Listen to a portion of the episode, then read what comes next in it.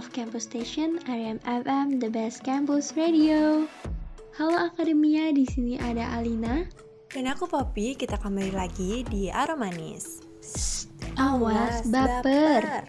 Aku mau ngingetin Akademia buat ngikutin terus sosial media Ariam di Instagram at ariamfmunes, Twitter at ariamfm Semarang, website ariamfmunes.ac.id, Spotify ariamfm, dan jangan lupa juga download aplikasi radio Ariam Munes di Google Play Store. Balik lagi ke topik podcast, kayak romantis kali ini agak beda ya. Iya gak sih Poppy? Iya Lina, jadi aku nih sama Alina bakal ngebahas toxic relationship. Aromanis kali ini bakal bahas hal-hal yang kelewat manis sampai kalian sering gak sadar sama ini. Banyak yang awalnya sih kelihatan manis, tapi lama-lama mengarah ke posesif, bahkan sampai ke tindakan abusive. Sebelumnya aku juga mau tanya dulu nih ke Alina. Sebenarnya alasan seseorang menjalin hubungan tuh apa sih? Alasan seseorang menjalin hubungan ya? Kalau menurut aku nih, pasti mereka pengen sama-sama bahagia. Iya gak sih Poppy, gimana nih kalau versi kamu? Iya Lina bener banget. Kalau menurut aku nih, alasan seseorang menjalin hubungan tuh untuk dapat kasih sayang. Yang tapi nggak jarang juga dari kita mulai gantung diri ke pasangan kita. Supaya apa? Supaya diperhatiin dan diberi kebahagiaan. Ih, iya setuju banget Poppy. Nih, kadang akademia sering banget meromantisasi nih beberapa tindakan toksik. Nah, kalau Poppy ngeliat sekeliling nih, menurut Poppy gimana? Hubungan nggak sehat bisa mulai kapan aja deh?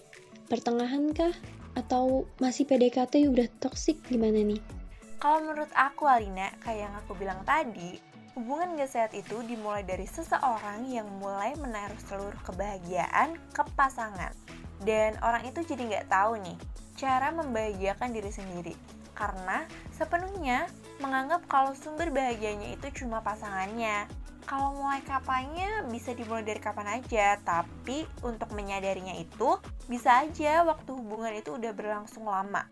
Rasa sayang yang besar banget sampai takut kehilangan pasangan ngebuat seseorang jadi sosok yang posesif, obsesif, sangat cemburuan, terlalu curiga, dan bahkan bertindak kasar. Kalau menurut Alina, gimana sih ciri-ciri suatu hubungan itu bisa dibilang udah enggak sehat? Ciri-cirinya banyak banget tapi paling dasar kalau yang aku sebutin ini relatable sama akademia, mungkin hubungan akademia itu udah gak sehat. Apa aja tuh Alina? Pertama, paling pertama banget menurut aku ya akademia. Ini tuh hilang rasa percaya sama menghormati satu sama lain.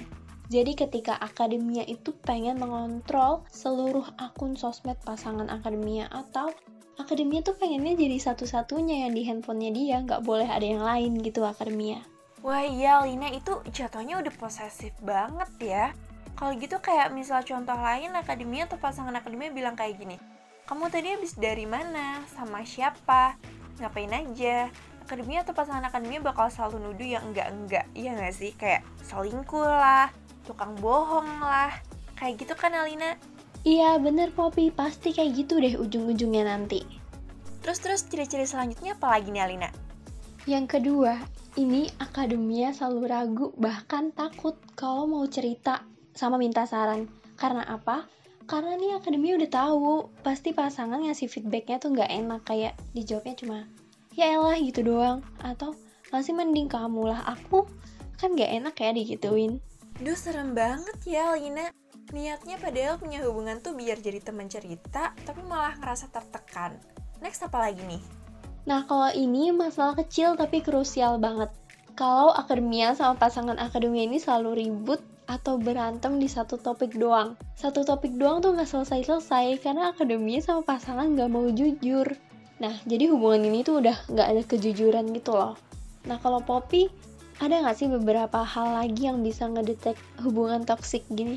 Iya, semua yang kamu bilang tuh bener banget Alina Dan kalau menurut aku nih, ada beberapa hal lagi yang bisa jadi tanda bahwa hubungan itu udah mulai gak sehat Nah, yang pertama tuh saat akademia nih atau pasangan akademia mulai mengontrol pasangan dan itu tuh bisa langsung disadari atau nggak langsung.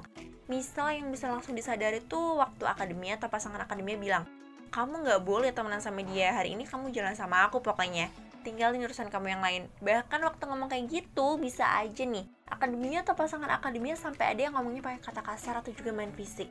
Dan yang gak langsung bisa disadari tuh misal kayak gini. Setiap kamu perhatian sama orang lain aku tuh ngerasa kalau aku tuh jadi nggak kebagian. Aku pun jadi satu-satunya yang kamu perhatiin. Kata-kata itu tuh egois banget loh aslinya tapi kitanya tuh nggak langsung ngeh gitu loh Betul, betul, betul. Pokoknya ini. Akademia nih sering nganggep hal ini romantis. Padahal ini tuh udah kelewat romantis. Kan serem ya pokoknya ingat akademia. Semua yang berlebihan itu nggak baik ya. Iya kan, Alina pasti tuh ada aja gitu loh sesi terlenanya. Akademia atau pasangan akademia tuh bakal ngucapin sederet argumen berlandaskan cinta untuk mendukung keegoisannya. Padahal semua alasan itu sangat bersifat manipulatif. Bukan karena kasih sayang, tapi justru hal ini berlandaskan rasa takut dan keinginan untuk menjadikan pasanganmu itu seperti apa yang kamu inginkan. Hal ini tuh bakal berdampak ke yang lain Alina. Alina tahu nggak dampaknya apa? Aku nggak tahu banget. Boleh dong dijelasin, Poppy? Nah, hal ini tuh bakal berlanjut membuat akademia atau pasangan akademia melakukan pemakluman yang enggak masuk akal gitu. Kayak misalnya ya, orang yang udah kena tindakan abusif dari pacarnya bakal tetap bilang kayak gini, dia tuh nggak kasar kok, dia kayak gitu cuma kalau lagi emosi doang. Aku udah lama pacaran sama dia bukan cuma dipukulin doang kok. Banyak hal-hal yang bikin aku senang. Terus lama-lama kamu tuh percaya kalau dia akan berubah kok suatu saat nanti. Iya iya, ini bener banget. Ini sering aku temuin ya, kan aku sering dijadiin tempat curhat gitu ya sama teman-temanku. Nah, kalau udah aku kasih saran, pasti mereka bilangnya gini, ah enggak deh, pacarku mah baik. Ini lagi capek aja, makanya marah ke aku gitu. Padahal kalau dipikir-pikir dua kali nih ya, ini tuh nggak logis, bener-bener nggak logis banget. Nah, itu tuh udah di tahap yang toksik banget ya. Kayak akademia tuh percaya bahwa akademia bisa mengubah pasangan menjadi lebih baik. Tapi obsesi mengubah pasangan yang nggak mau berubah itu tuh justru malah bikin hubungan jadi nggak sehat. Akademia mulai bikin pemakluman yang di luar nalar demi menunggu si dia berubah. Nah, kira-kira gimana ya Lina biar seseorang bisa menghindari hal ini? Atau mungkin yang udah mengalami nih, gimana ya caranya buat lepas dari situasi kayak gini? Kalau hubungannya masih bisa diperbaiki ya, masih bisa itu kita bisa sih dengan komunikasi lebih terbuka. Karena akademia sama pasangannya bukan cenayang kan yang bisa ngerti mau pasangan itu apa. Bisa juga cari support system. Jadi kalau kita lagi mikir aneh-aneh atau pasangan akademia yang aneh, bisa minta saran atau curhat ke temen yang positif gitu. Nah yang paling penting tuh harus percaya diri sama menyayangi diri sendiri pokoknya kalau udah kayak gitu kita bisa jadi pribadi yang lebih baik deh. Jadi hubungan akademia sama pasangan nih nggak toksik lagi. Bisa jadi romantis lagi bisa jadi manis-manis lagi gitu deh. Kalau Poppy gimana nih? Ada nggak sih cara kalau hubungannya udah nggak bisa dipertahanin cara cut off hubungannya gimana nih Poppy? Cara satu-satunya nih, kalau hubungan akademia udah di tingkat toksik paling tinggi, emang cuma cut off hubungan ya, Lina. Saran dari aku itu yang pertama pastinya berusaha baik-baik untuk jelasin ke si dia kalau kamu nggak bisa lagi ngelanjutin hubungan. Kalau emang tanggapannya nggak baik nih, paling nggak kamu udah berusaha untuk komunikasi deh ya akademia. Yang kedua, ngurangin interaksi nih. Jangan beri dia kesempatan untuk terus menghubungi kamu biar kamu bisa ngejauh dari dia. Abain aja semua WA dari dia dan hindari deh pertemuan langsung sama dia. Yang ketiga, kalau dirasa sulit nih buat move on, mulai lakuin hal-hal yang kamu suka buat diri kamu itu berkembang. Cari kegiatan yang bisa ngalin pikiran kamu dari hubungan kamu sebelumnya, yang mungkin juga nih membatasi kamu kan untuk mengeksplor hal baru. Yang terakhir adalah memikirkan masa depan. Yuk keluar dari hubungan negatif kamu dan pikirkan tentang goals apa sih yang pengen kamu capai selanjutnya. Itu sih Alina beberapa saran dari aku. Gimana menurut kamu? Apa udah cukup nih buat keluar dari toxic relationship? Kalau dari aku cukup sih ya. Mungkin kalau akademia belum bisa pergi atau memperbaiki hubungan ini bisa langsung konsultasi ke psikolog. Karena Alina juga tahu nggak semua bisa dijalankan segampang yang Alina omongin sama Poppy tadi ya Pop. Nah, pokoknya semangat buat akademia yang lagi berjuang di keadaan ini. Kalian pasti bisa menghadapinya, oke? Okay? Iya, semangat ya buat akademia semua. Dan akhirnya semua dari A to Z udah kita bahas ya Alina tentang toxic relationship.